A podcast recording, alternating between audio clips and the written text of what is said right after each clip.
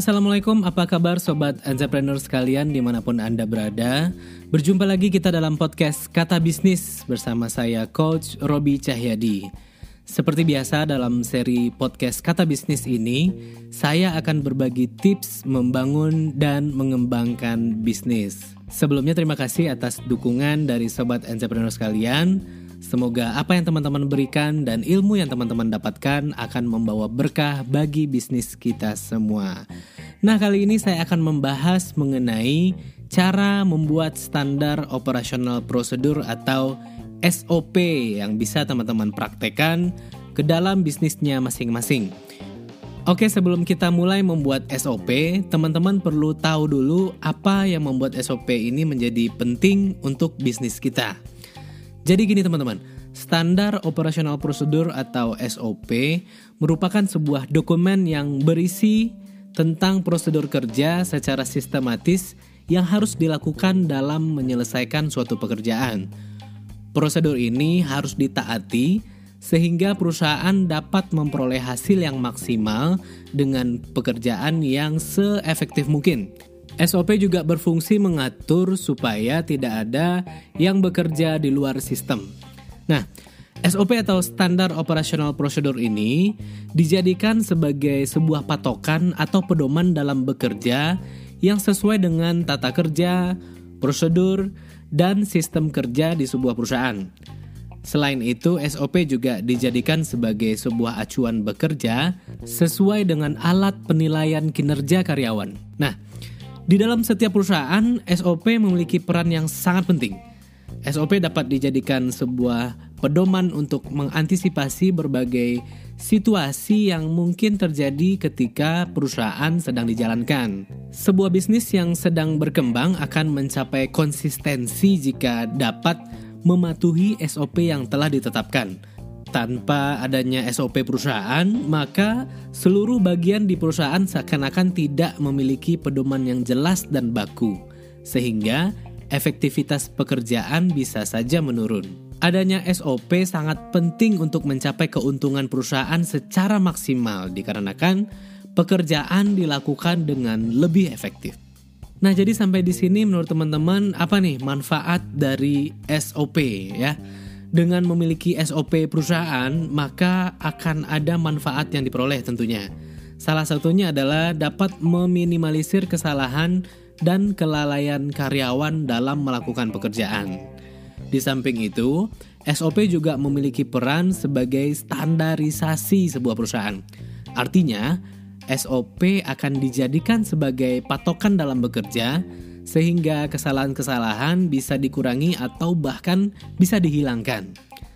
Nah, selain manfaat tersebut, SOP juga memiliki banyak manfaat lainnya, seperti membantu meningkatkan akuntabilitas, membantu karyawan baru untuk beradaptasi dengan pekerjaannya, dan juga dapat menghindari tumpang tindih pelaksanaan tugas atau juga membantu karyawan agar lebih mandiri dan membuat pekerjaan bisa diselesaikan dengan konsisten dan efisien. Nah, membuat standar operasional prosedur yang berkualitas tentu saja harus memiliki prinsip. Tanpa menggunakan suatu prinsip tertentu, SOP bisa saja kehilangan fungsi utamanya yaitu menjadikan pekerjaan seefektif mungkin. Prinsip-prinsip dalam membuat SOP di antaranya adalah konsistensi, komitmen, perbaikan berkelanjutan, bersifat mengikat, dan terdokumentasi dengan baik. Oke, selanjutnya kita lihat juga tujuan dan fungsi dibuatnya SOP ini, teman-teman. Ya, jadi SOP perusahaan tentunya dibuat dengan tujuan tertentu. Tujuan dari dibuatnya SOP ini adalah untuk menjaga konsistensi kinerja pada setiap karyawan di perusahaan. Jadi kuncinya adalah konsistensi ya. Dalam perusahaan tertentu seorang manajer bisa mengetahui kualitas karyawannya dari bagaimana karyawan tersebut bisa menjalankan SOP yang berlaku. Jika seorang karyawan masih belum maksimal, maka dapat dilakukan evaluasi berupa pemberian pelatihan misalnya. Oke.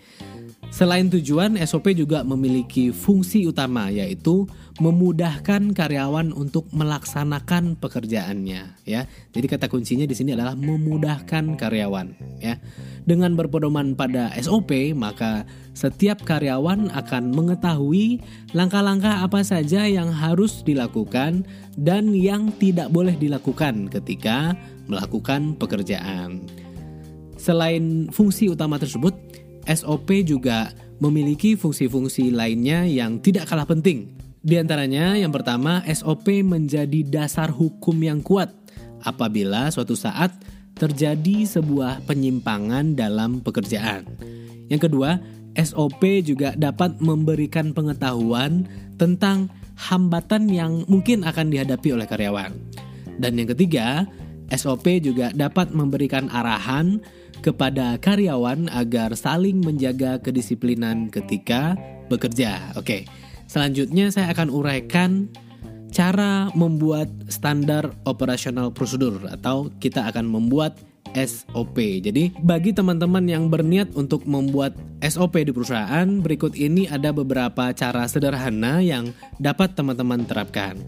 Yang pertama, dimulai dengan membuat susunan kerja. Jadi langkah ini merupakan pondasi utama yang akan mempengaruhi kualitas SOP di kemudian hari. Jadi teman-teman buat susunan kerja ya. Yang kedua, setelah membuat susunan kerja, teman-teman bisa melakukan atau membuat alur proses. Jadi langkah selanjutnya adalah merencanakan alur proses. Maksud dari merencanakan alur proses ini adalah menyusun hal-hal yang berkaitan dengan penentuan format SOP, membuat template dan bagaimana SOP tersebut dapat diakses oleh seluruh karyawan. Yang ketiga, dilanjutkan dengan melakukan wawancara kepada setiap karyawan. Hal ini tujuannya adalah untuk mengetahui aktivitas-aktivitas harian karyawan dalam pekerjaan serta mengetahui bagaimana karyawan tersebut bekerja.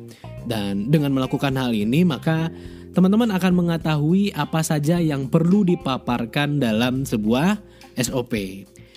Selanjutnya yang keempat yaitu setelah melakukan wawancara karyawan, teman-teman mulai menulis SOP.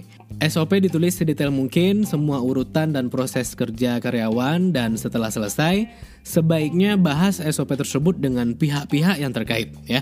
Hal ini bertujuan untuk mengetahui apakah masih ada celah atau ketidaksesuaian peraturan yang ada pada SOP yang telah ditulis ya. Jika SOP tersebut sudah dianggap baik, maka SOP sudah dapat disosialisasikan kepada karyawan dan pihak lain yang terkait. Oke.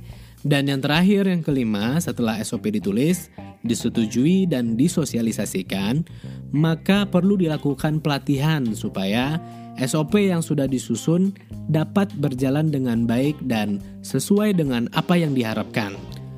Setelah pelatihan dilakukan, teman-teman dapat memberikan jangka waktu selama 6 sampai 12 bulan untuk akhirnya diadakan sebuah evaluasi.